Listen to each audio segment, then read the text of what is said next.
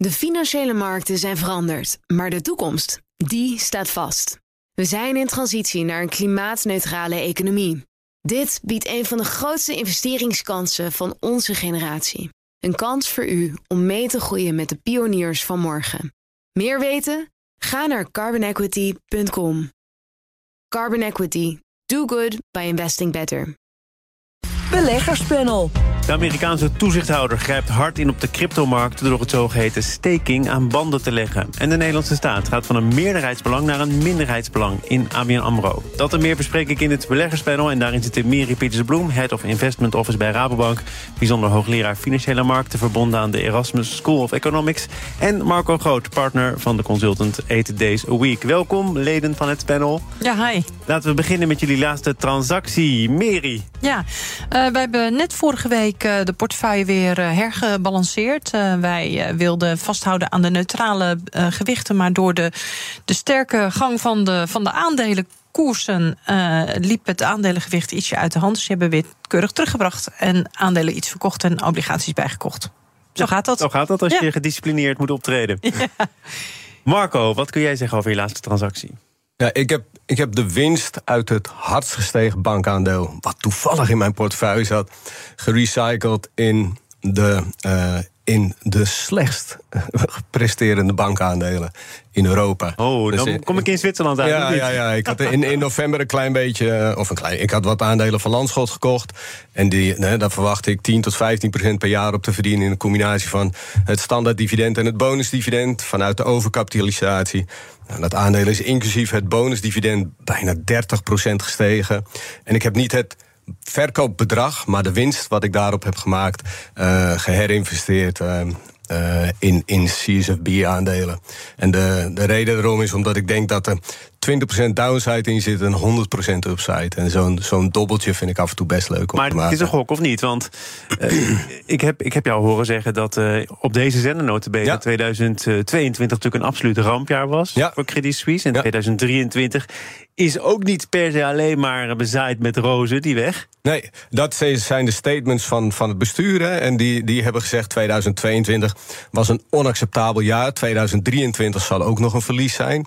Ze hebben de, nu de investmentbank at arm's length gezet. En als beurzen blijven liggen op dit niveau... en er is geen grote kapitaaluitflow en het bestuur weet ook heel hard op de kostenrem te staan, dan kan het wel eens beter zijn dan verwacht. Dus mijn berekening op dit ogenblik is dat als het niet verbetert, dan is het dood geld op dit niveau. En tikt het misschien een keer 10% naar beneden. Maar als het goed gaat, dan kan het ook heel snel goed gaan. Dus er zit heel veel pijn in. En of die pijn draait in, in, in een eerste hechtingje moet nog blijken. Maar eh, soms is het leuk om uh, iets te kopen waar 20% downside in zit en 100% upside. Snap jij het gokje wel, Miri? Uh, ja, uh, ik, ik snap het wel. En dat is natuurlijk leuk hè, om op die manier ja. naar, met individuele aandelen. wij, wij hebben een iets andere benadering en een heel, heel, heel, heel breed gespreide ja. portefeuille. en, en kijken iets op iets hoger niveau, landenniveau, sectorenniveau, hoe we onze ja, positionering willen doen. Ja, het is een hele andere ja, manier van een beleggen. andere manier van beleggen. Ja. We blijven wel in het bankwezen. Want het kabinet, de staat, wil zijn aandeel in ABN AMRO verkleinen tot 49,9 procent. En nu heeft de staat nog 56,3 procent van ABN AMRO in handen. De NLFI, de instelling die deze aandelen beheert... gaat ze drupsgewijs, beetje bij beetje, verkopen. En de eerste vraag moet natuurlijk zijn, Mary, waarom nu? Ja, nou, je kan ook de, de vraag omgekeerd stellen. Waarom zit de staat er nog in? Uh, volgens mij is de overheid niet opgericht om zelf een bank te runnen. Uh, die mededeling kwam ook uh, in het persbericht voorbij. Sinds 2008, het heeft al lang ja, geduurd. Heel lang, heel lang. We zijn erin gestapt destijds om natuurlijk de financiële stabiliteit te stutten. Hè, en nou ja, dat heeft een, een lange tijd geduurd. En volgens critici ook te lang sinds de laatste keer er een plukje aandelen is verkocht. Want dat is inmiddels al wel vrij lange tijd geleden. dus ja, de druk liep wat op en misschien de koers liep wat op. Ehm, en daardoor was het moment. nou, hoe belangrijk is dat laatste? De koers die wat oploopt? Ja, ik denk, ik denk natuurlijk zeker. Hè, 2021 heeft wel een koersopleving gezien. Kijk, de, de, de, het moment van instappen, hè, toen was het 26 euro. Dat, dat ligt nog wel ver buiten bereik.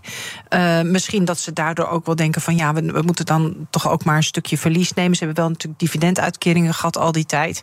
Uh, maar ja, de koers ligt nu zo rond de 16. Daar staan we nog wel heel ver vanaf. Ja, hè? ja dat maakt het sommetje wat je moet maken uh, om erachter te komen of dit nu vooral iets is wat de staat veel geld gekost heeft of niet. Wel wat ingewikkelder. Je moet dividend natuurlijk wel meenemen. Ja, ja het sommetje is iets. Volgens mij heeft dus overheid is niet helemaal duidelijk hoeveel we ervoor betaald hebben. Tussen de 24 en de 26 miljard. En toen het in 2015 naar de beurs ging, toen was dat voor 16,8 miljard. En de belangen die tot nu toe verkocht zijn, hebben 8,5 miljard opgeleverd ex-dividend. Dus daar moeten we dividend nog bij optellen. Dus laten we zeggen dat een procent of 10, dus de helft, gerecoverd is tegen, tegen een klein verlies. En, en even voor de, voor de fijnproevers, want de staat heeft nu 49,9% aandelen en 6,4% certificaten van aandelen. En mhm. die laatste categorie. Daar wordt nu afscheid van genomen eh, over een lange tijdspanne. Maar dat betekent dus volgens mij, als ik het allemaal goed begrijp, dat er aan het stemrecht, aan de machtsverhouding, eigenlijk weinig verandert. Want certificaten leveren sowieso geen stemrecht op, toch? Of wel? Nee, dat, uh, dat, dat, dat klopt. Uh, ik, ja, ik, weet niet, ik weet niet heel precies, maar ik denk wel dat. Uh, ja, sorry, het is precies andersom. Ah. In dit geval zitten alle stemrechten bij de certificaathouders. dus in de algemene aandeelhoudersvergadering hebben de certificaathouders de stemrechten. En is het aandelenbelang van de overheid volgens mij tot 33 procent um, um, valide. Uh, zolang er geen vijandelijk bod komt, of een bod komt op de aanhang, pas dan gaat de overheid als overheid echt meestemmen. En tot die tijd hebben alle certificaathouders de stemmen in de gewone aandeelhoudersvergadering okay, dus in handen. De staat neemt wel degelijk uh, afscheid van zeggenschap.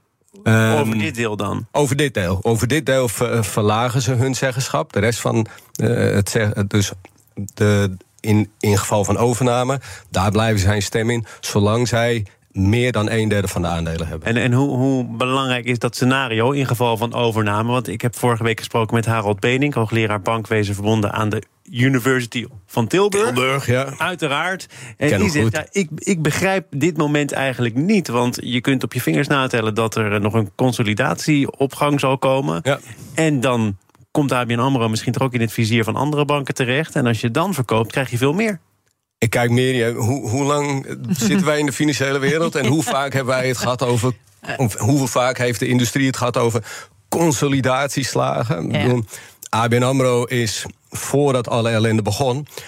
Italië ingegaan en had LaSalle in Amerika, et cetera. En uh, volgens toen heeft bij ABN AMRO gewerkt. Toen het misging, zijn al die, al die, die, he, die eilandjes binnen die bedrijven weer verkocht. En nu zijn het weer local heroes. En nu maar gaan we weer over. niet zo ver komen. I don't know. Ik, weet je, we zien het wel als het, als het zover is. Vooralsnog zijn dit op zichzelf staande bedrijven.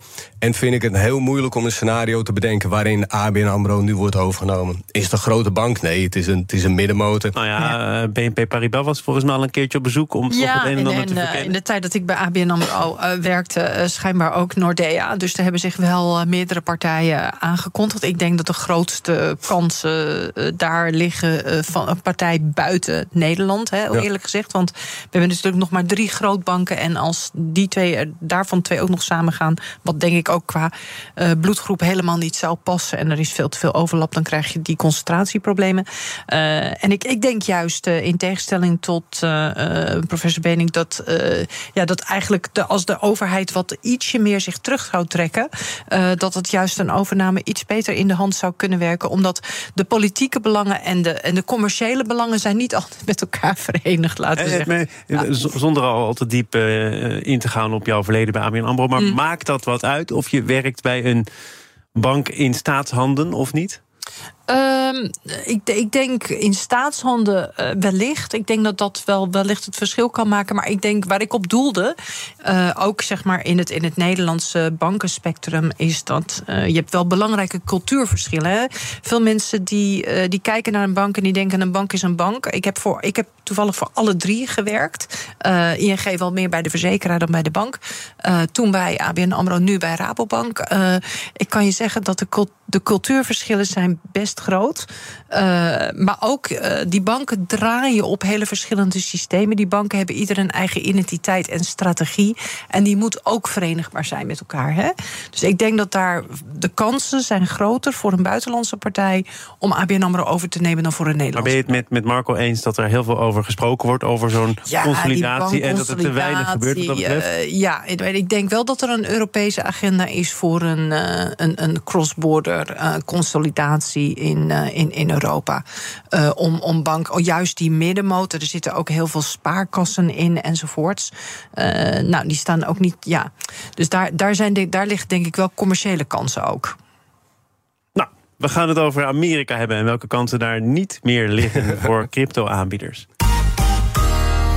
BNR Nieuwsradio. Zaken doen. Thomas van Zeil.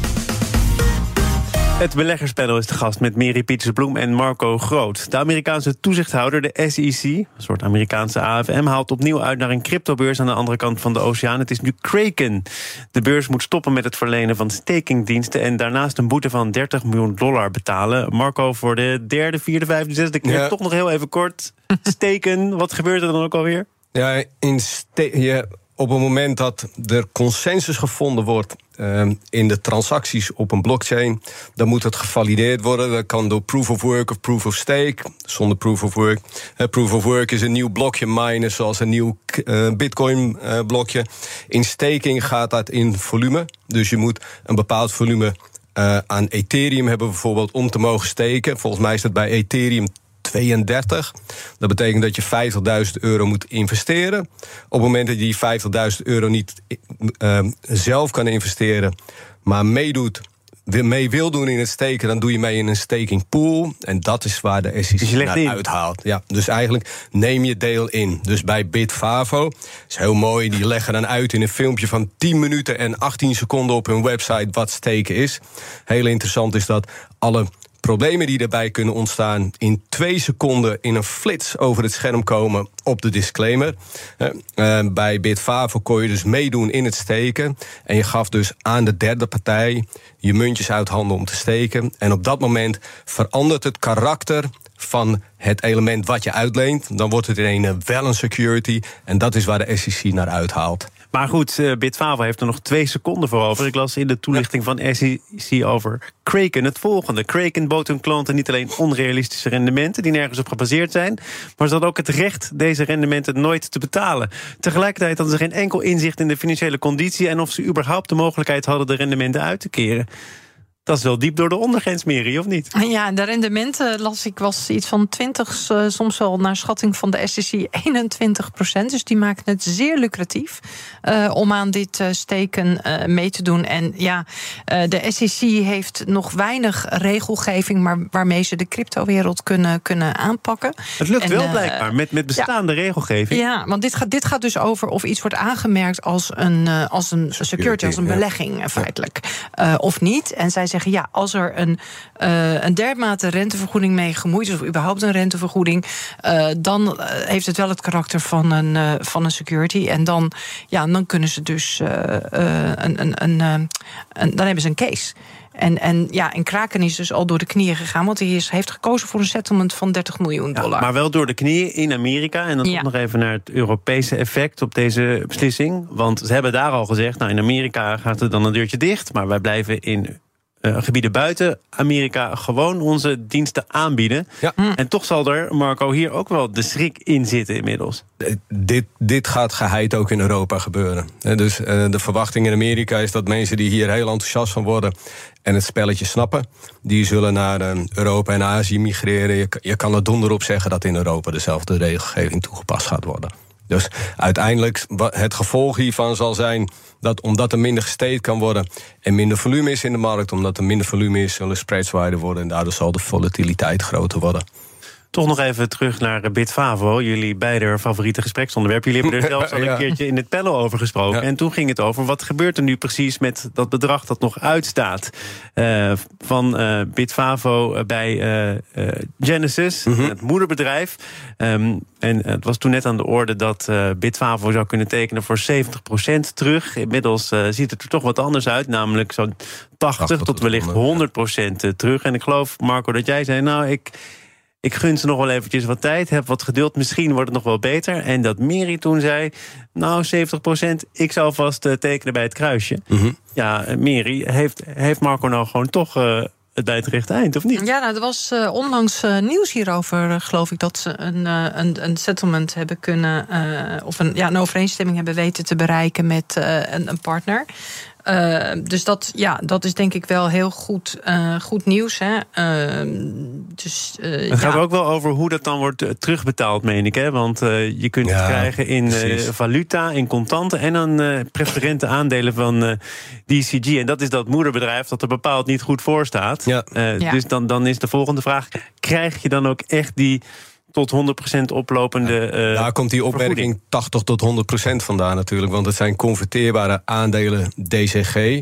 die weer op een dochter van DCG rusten, op Genesis. En tegelijkertijd. Dat kan, helemaal, dat kan helemaal de bocht uitvliegen. Dit soort deals hebben ze ook met Gemini gemaakt en met andere bedrijven. Dus we moeten eerst nog maar zien wat, wat daaruit komt. Uiteindelijk moet die markt zich herstellen, normaliseren en waarschijnlijk gereguleerd worden voordat, ja. voordat die 80% bereikt wordt en dan een keer omhoog kan kruipen richting de 100. Ja, en precies, vorige keer heb ik gezegd, om het af, He, en zei 70% is het eerste bod. Je moet nooit met het eerste bod akkoord gaan.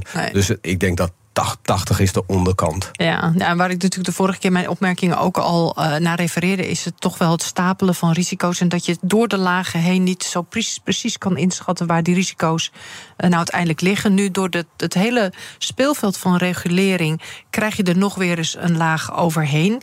Uh, want we hebben gehad van, nou, over hoe Amerika reageert. Maar als je kijkt dat bijvoorbeeld andere landen in de wereld, Dubai, Australië, Verenigd Koninkrijk, die zijn weer voornemens om een hele andere richting uit te slaan dan wat Amerika doet. Dus het, het blijft, denk ik, wel een heel dynamisch eh, speelveld, eh, die cryptowereld. Als dessert in dit panel de strijd tussen de techgiganten over slimme kunstmatige intelligentie en de vraag of het verdienmodel van Google, de zoekmachine, voor het eerst dan toch echt kwetsbaar is. Want Google verdient het afgelopen kwartaal nog zo'n 40 eh, miljard euro aan advertentieinkomsten in de zoekmachine. ChatGPT komt daar nu beetje tussendoor fietsen. In samenwerking natuurlijk met Bing, de zoekmachine van uh, Microsoft. Jij hebt beide eens uh, tegen elkaar gezet in voorbereiding op dit panel, meen ik, hè, om aan je documentatie te komen. En ben je al overtuigd? Wordt het Bing? Um, heb, heb je wel eens Bing gebruikt? Ja, nou, eh, in een grijs verleden, Marco. Ik, ik heb uh, recent een nieuwe laptop gekocht. En toen, dan, dan krijg je natuurlijk als je, als je Microsoft pakketje downloadt... altijd eerst Bing. En Bing is echt een, een waardeloze zoekmachine met 3% marktaandeel. Uh, Google, maar wat niet is, kan nog komen. Ja, natuurlijk. Hè. En de wereld kan altijd veranderen. Als iemand 96% van de markt heeft, dan lijkt het alleen maar minder te kunnen worden. Maar de wereld is aan het veranderen, Marco. Ja, absoluut. Of absoluut. niet? Nee, heb je er fiducie in? Kijk, en dit is wat ik interessant vind. De basis van de informatie die OpenChat GPT verschaft... die wordt gevonden door Bing. Dus de kwaliteit van de antwoorden. Uh, nee, dan dat ding van Google, dat ging foutloos. Ja, maar daar, ik heb daar al, uh, een van de dingen die ik altijd probeer te doen is. Als iets echt op zijn gat ligt, kan het dan nog opkrabbelen. Als het iets echt als het allerbeste beschouwd wordt, kan het dan nog omdraaien. Als de, de armored truck van uh, Elon Musk onverwoestbaar is, kan hij dan nog verwoest worden. En hij slaat verdomd zijn eigen ruit in. Dus kan het zo zijn dat Google juist een fout maakte in de presentatie om te laten zien hoe kwetsbaar dit soort. Uh, Echt? Ja, zou je dat durven denken of niet? Ja, ik zou. Oh.